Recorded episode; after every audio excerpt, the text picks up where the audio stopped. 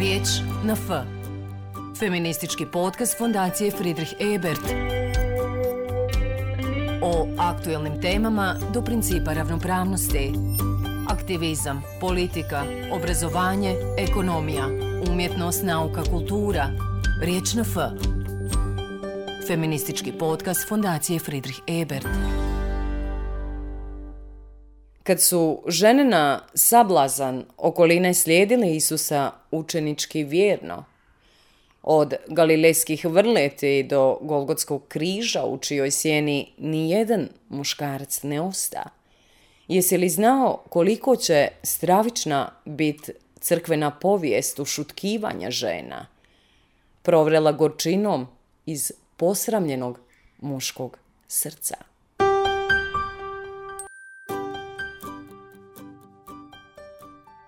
Počinjemo njegovom poezijom, nastavit ćemo razgovorom. Sama pjesma dio je zbirke pod naslovom Agonije, teo poetika tjelesno-političkog.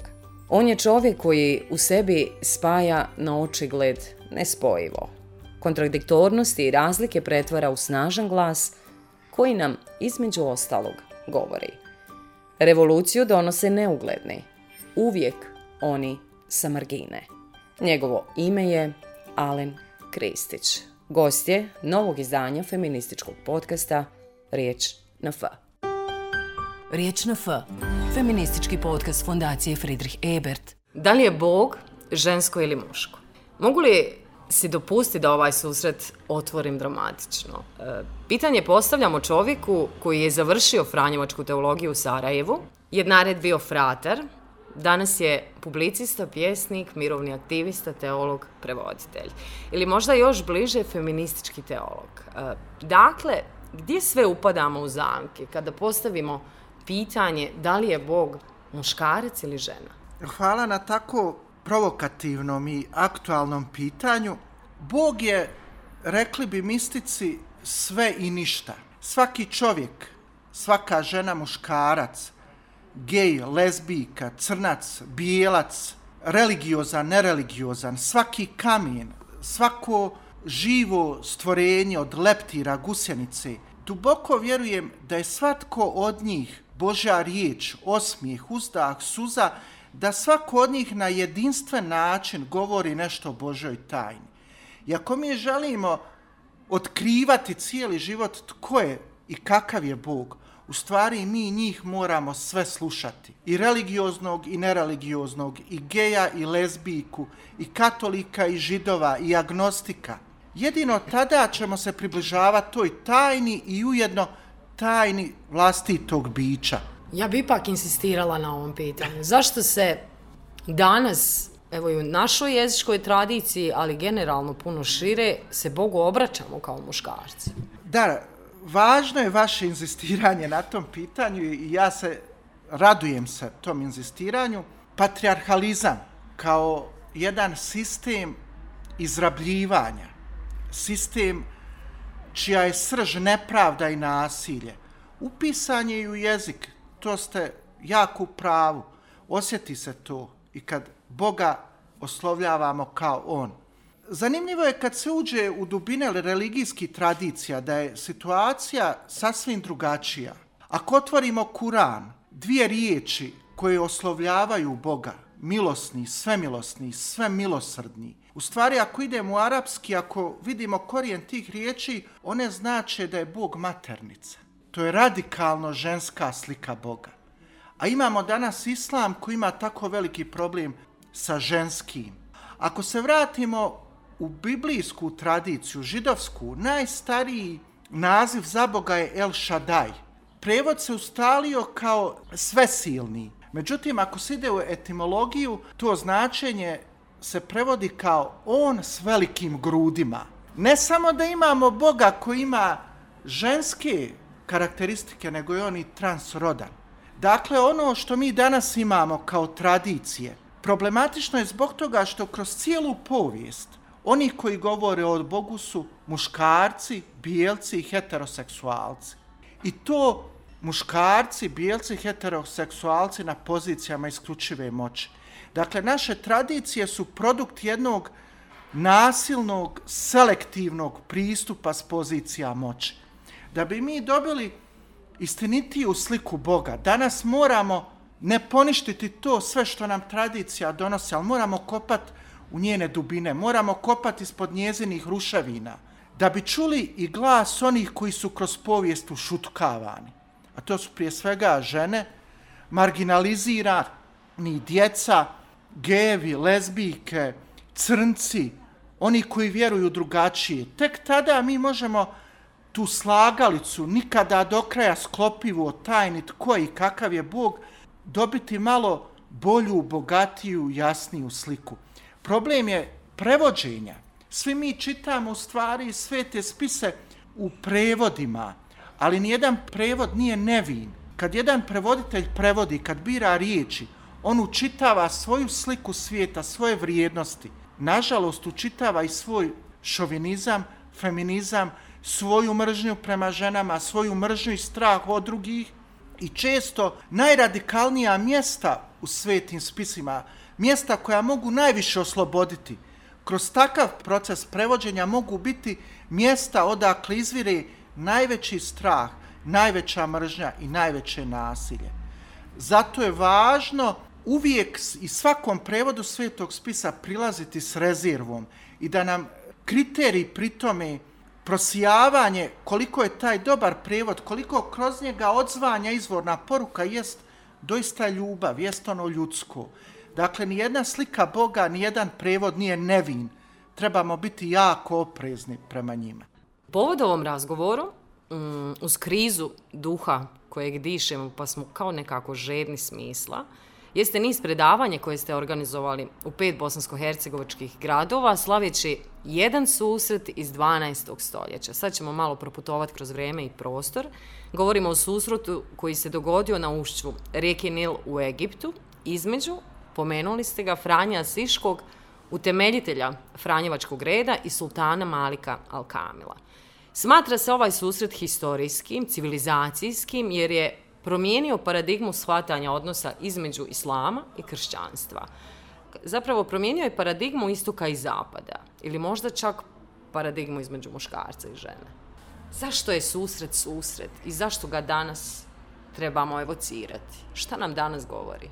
Franjevačku tradiciju osjećam svojom duhovnom i intelektualnom domovinom. Istog razloga ja sam priželjkivao da će prije par godina, kad je bila 800. ta obljetnica proslave tog susreta, upravo naša zemlja zbog svoje povijesti, zbog svog geografskog položaja, zbog svoje kulturološke hibridnosti, zbog svoje religijske raznolikosti, raskoši, biti jedno od mjesta u svijetu gdje će se taj susret najviše proslaviti. Očekivao sam, priželjkivao da se tome okrene država, da se o tome okrenu religijske zajednice, osobito Franjevačka provincija, Katolička crkva, Islamska zajednica, da se na jedan sustavan način taj susret, podsjećanje na njega iskoristi kroz te institucionalne snažnije kanale, simbolički, da kroz taj susret osvijestimo sebi, da pozovemo jedni druge na promjenu i političke paradigme kod nas i kulturološke promjene shvaćanja identiteta, kulture, pamćanja, jer je sve to utkano u taj susret. Nažalost, to se nije dogodilo, taj susret tek ponegdje lokalno proslavljen, bez obzira što je to bio nalog i Franjevačkog reda i pape Franje, nije slučajno njegovo ime Franjo, nije slučajno papa potakao stvaranje deklaracije o univerzalnom bratstvu svojim putovanjem u Egipat gdje je memoriran iznova taj susret. Dakle, iz te tuge i žalosti što se to nije tako dogodilo u našoj zemlji, Centar za mirovno obrazovanje je odlučio barem donekle kompenzirati taj pomeni tužan promašaj. I htjeli smo kroz te okrugle stolove i popratni zbornik osvijetliti taj susret iz različitih aspekata da zajedno dokučimo kako je toj dvojice ljudi pošlo za rukom u sred velikog ludila križarskog rata stvoriti oazu gostoprinstva, prijateljstva, povjerenja, razumijevanja. I mislim da smo donekle uspjeli o tome. Nadam se da će svi oni koji nisu bili na susretima pogledati ta predavanja koja su dostupna online na stranici Centra za mirovno obrazovanje i čitajući zbornik koji bi trebali dobiti za jedno mjesec, dva dana. Ne znam što bih istakao od svih tih novih uvida. Možda jedno od istaknutih predavanja bilo je predavanje moje kolegice i prijateljice Zilke Spahić-Šiljak. S njom sam razgovarao i podijelio neku svoju slutnju i ona je to sjajno predstavila i elaborirala. U stvari, ako pogledamo Franju i Sultana, oni su svojim ponašanjem i prije tog susreta rušili sve ono što mi danas nazivamo toksičnom muškošću. Oni su razarali u svom kontekstu sva tadašnja očekivanja od muškarca, mač očekivanja. Pazite, Franjo je trubadur, Franjo bere cvijeće, Franjo propovjeda pticama, ribama, Franjo je sav teologija nježnosti, ali ne u smislu patetike, ne u smislu puke sentimentalnosti, nego nježnosti koja razara strukture nepravde i izrabljivanja upravo snagom nježnosti. Dakle, nije to patetika, nije to površna, sentimentalna naivnost, nego to je odluka radikalna iz nježnosti da se živi siromašno, da se poštuje žena, njegova ljubav prema Klari. Franjo je u svoju duhovnost integrirao seksualnost, pa nije ogorčen prema ženi kao ženi prema ženama. Franjo ne želi biti vitiz. On je pokušao biti vitez u smislu ratničkom, mačo verziji.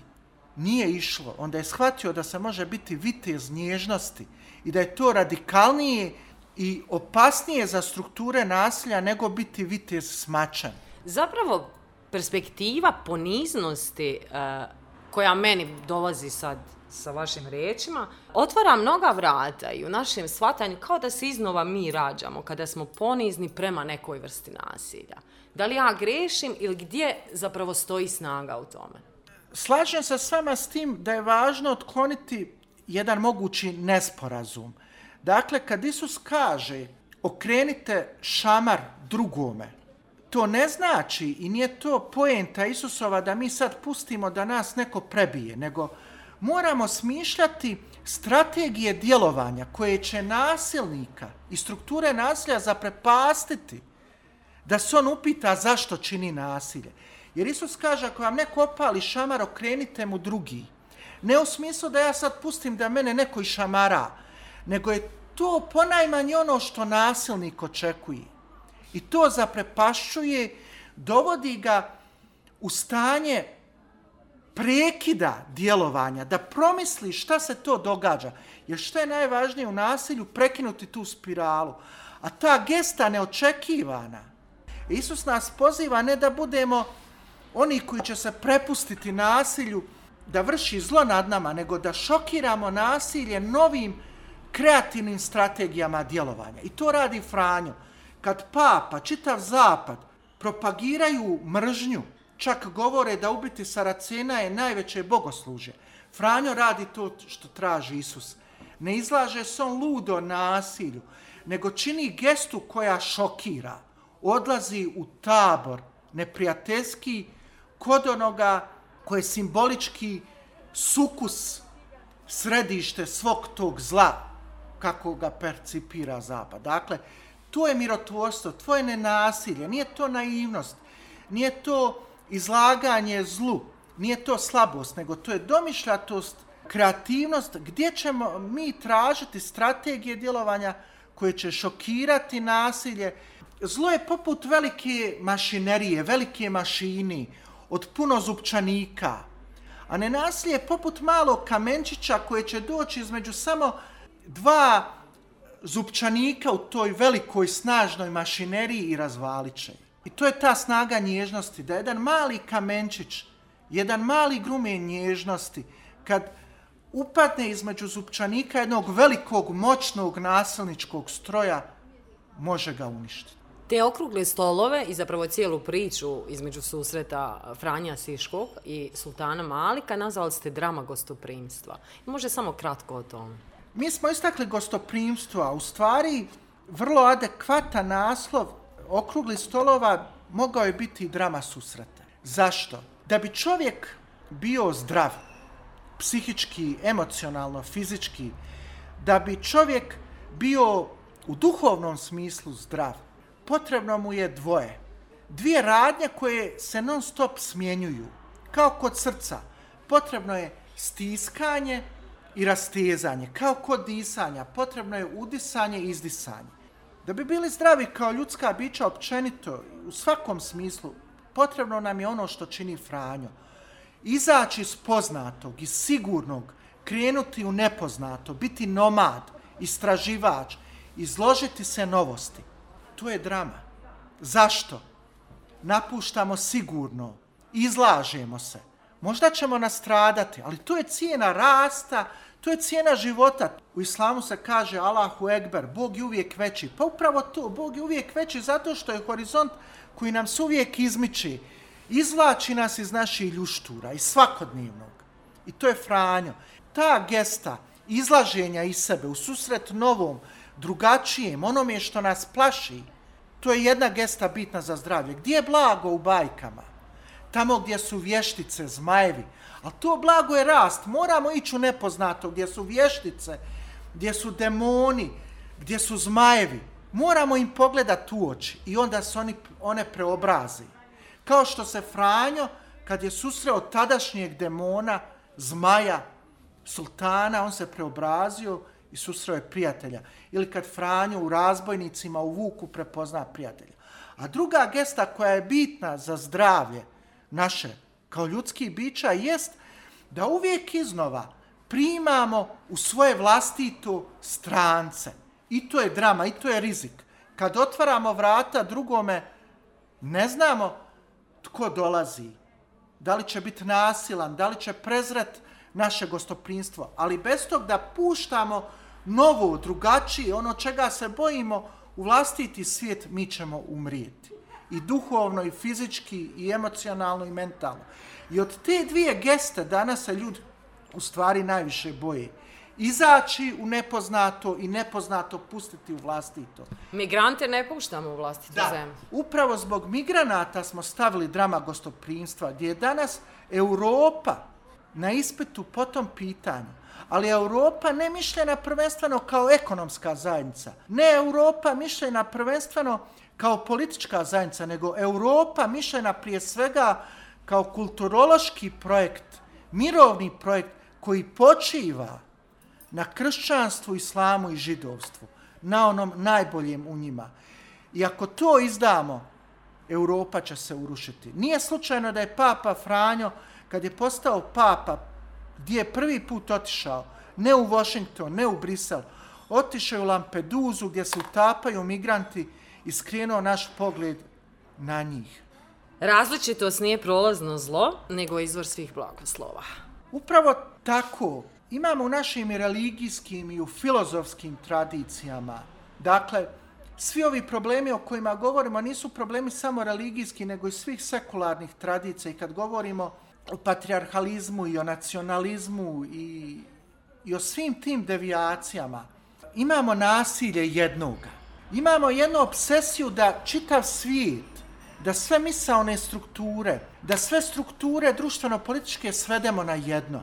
I na jedno istu. I zato ga Nietzsche na to sjajno ukazuje, zato ga se krije želja za moći. Jer mi ako sve svedemo na jedno, na istu, to je nama uvijek dostupno i raspoloživo i time možemo lakše manipulirati i upravljati. I tome se treba oduprijeti. Ako zavirimo u dubine religijskih tradicija, ako zavirimo u kršćansku sliku Boga, ona je radikalna kritika toga. Bog nije jedno, Bog je troje. Bog je beskrajni ples u samome sebi. Bog je ples mnoštvenosti, raznolikosti koja se ne može svesti na jedno. Samo mi sami, kaže Niče da smo mi snop smrtnih duša. Šta hoće Niče reći? Pa mi sami nismo jedno ja. Mi smo sami u sebi mnoštvo ples različitih ja.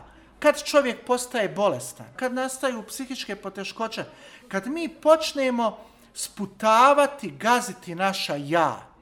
Naravno, mi ne možemo odživjeti sva ja u našem životu, ali što ih više živimo, bit ćemo zdraviji.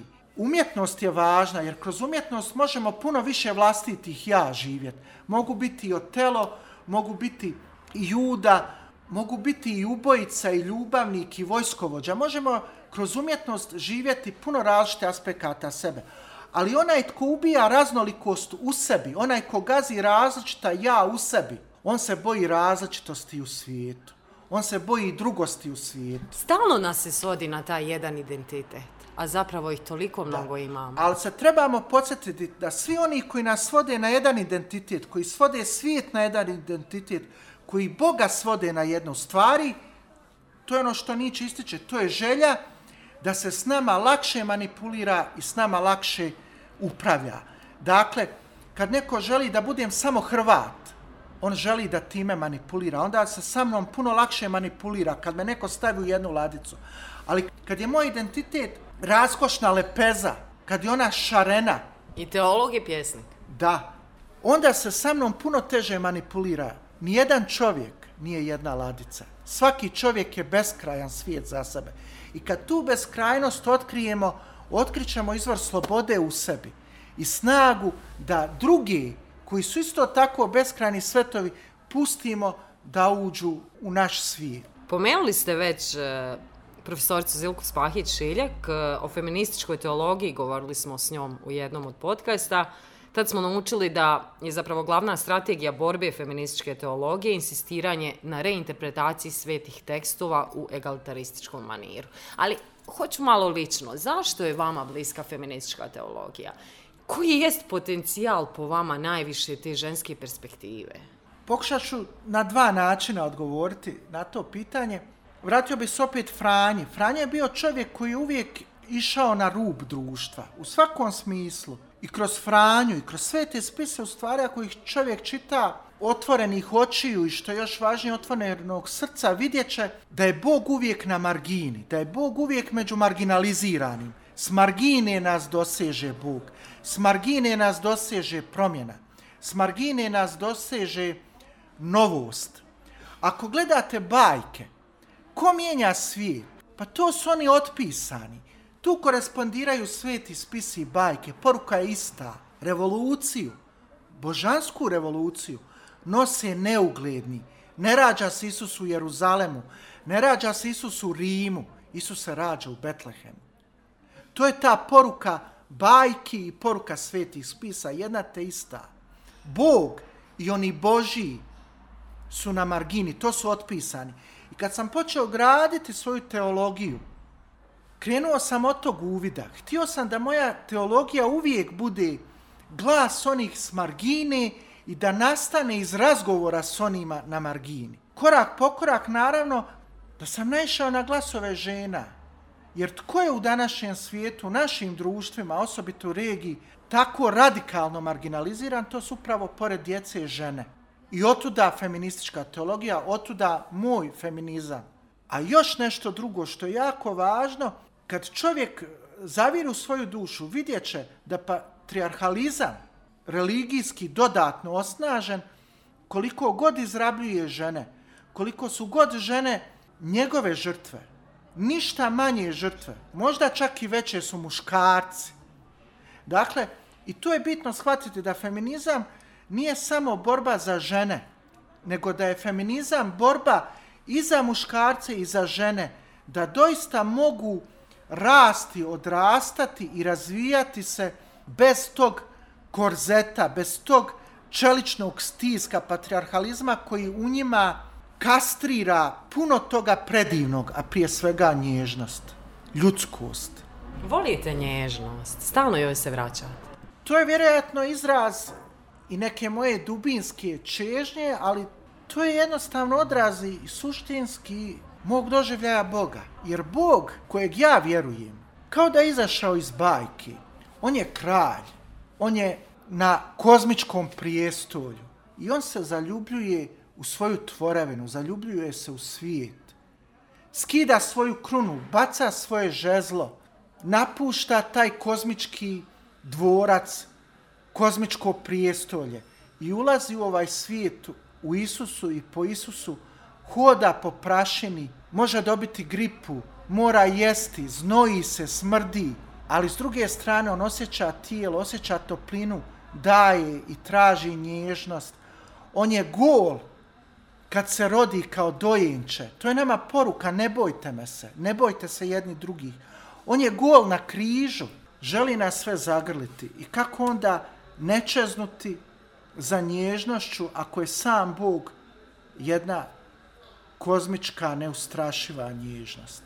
Pitanju tijela vratili smo se i sa ovom stvarnošću pandemije. Nekaka nam dolazi E, sve više briga o tijelu, ali pitanje tijela, pitanje smrti. Šta vi iščitavate zapravo iz cijelog ovog momenta trenutno kojeg dišemo? Kuda idemo? Šta prepoznajete? Na šta da pazimo? Čini mi se da sve više i više rastu podjele između muškaraca i žena, između vakcinisanih i nevakcinisanih, lijevih i desnih, migranata, nemigranata. Procesi kojima svjedočimo, kao sami procesi nisu me iznenadili, ali me iznenadilo da su već sada počeli. Očekivao sam čak da neki od njih neću ni doživjeti. To je ono što me iznenadilo. Procesi kojima danas svjedočimo, bojim se da idu u smjeru novih, neslučenih, do sad nepostojećih podjela u ljudskoj vrsti, do sad nepostojećih, neslučenih oblika nepravde, izrabljivanja. Možda još ima vremena da se tome suprostavimo, mada ne vidim dovoljno snažne i povezane aktere koji bi se tome suprostavili. Jedan od snažnih glasova u tom smjeru je Papa Franjo, ali njegova je moć slična jedinoj moći koju Bog ima, da poziva, a na svakom od nas je odgovornost. Kad vidim kud ide digitalna tehnologija, kad vidim da će doći do spajanja ljudskog tijela i različiti produkta tehnologije, da jača u ljudima želja za besmrtnošću koju će dati tehnologija, obećati na ovaj ili na onaj način, kad vidim sve to, mislim da dolaze neka dosad neviđena vremena, ali da će i tada jedini ključ, jedino mjerilo za svakog od nas biti pitanje ljudskosti i solidarnosti. Ali da se sad nalazimo možda pred izazovom da ćemo iznova morati izmisliti i što to znači ljudskost i što to znači solidarnost i što to znači nježnost. I to je rad pred nama. Moj san, moja želja bi bila da da religijske institucije budu na strani onih koji će izmišljati, smišljati, opravdavati ne oblike, nove oblike izrabljivanja, nego doista šta će to u posle novom svijetu značiti biti čovjek, biti solidaran, biti nježan. Književnost nas vraća pamćenju i otporu protiv različitih vrsta ideologije. Možda da završimo ovaj razgovor, šta trenutno čitate, zašto čitate i možda neku preporuku za nekog pisca, autora, koji bi nam poslužio u vremenu koje je pred nama. Ono što trenutno čitam, a čitanje je jedna od mojih najvećih strasti, čitanje mi je kao zrak, književnost. Čitam Ljudmilu Licku, dakle to je jedna od najvećih živućih ruskih spisateljica peti u nizu njezin roman čitam, trenutno slučaj Kucocki. Roman je govori o jednom liječniku u Staljinovskoj Rusiji koji se bori za ukidanje abortusa. Ponovo feminizam, ponovo ženska tema. Zapravo taj je liječnik otkrio koliko je stravična, nasilna ta zabrana i bori se protiv nje kao liječnik, kao ginekolog. I kroz tu njegovu osobnu priču i kroz dramu toga pitanja, u stvari, Ulicka nam prikazuje književno, otvara, rastvara tu i takvu staljinističku Rusiju. Sve mehanizme vladanja, sve slabosti ljudskog bića da, koje ga vode tome da se podvrgne diktatu, tutorstvu, odvažnosti ljudi da ju u najvećem stisku diktature ipak stvaraju oaze otpora, da njeguju ljudskost. I to je negdje tema svih njezinih romana. Ona u stvari oslikava Rusiju od tog Staljinovog doba do danas. I u tome je čudesna i, i nalazi se u tradiciji tih velikih ruskih romana. Tako da bi preporučio čitanje njezinih romana jer ona kroz literaturu raskriva mehanizme vladanja, mehanizme diktature koje su uvijek iste, šminka se razlikuje, ali u isto vrijeme kroz svoje romane pokazuje koje su to slabosti ljudskog duha, iz kojih motiva i zašto čovjek postaje žrtva tih i takvih struktura i mehanizama, ali kroz svoje romane tiho, nježno, ništa manje snažno zbog toga pokazuje da i ta ljudska dobrota, odvažnost, sposobnost za otpor neiskorjenjiva. I nadam se da će to pokazati buduća vremena koja dolaze sa posve novim nečuvenim izazovom. I to je sva tragika i ljepota ovog svijeta. Zašto je čovjek u isto vrijeme sposoban? Za koja zla i za kakva nasilja i za koje i kakve otpore nježnosti i ljubavi. I vjerujem da i sam Bog zapitan nad tom paradoksalnošću ljudskog bića, koje vjerujem nešto govori o samom božanskom biću i njegovoj paradoksalnosti. U ostalom, zar nije paradoksalno da je trebao nas i ovakav svijet i da nas očito još uvijek treba. Riječ na F. Feministički podcast fondacije Friedrich Ebert. Uz ironiju poigravamo se stereotipima s kojima se patrijarhat obračunava sa feminizmom, želeći da mu oduzme političku relevantnost. Riječ na F. Feministički podcast fondacije Friedrich Ebert.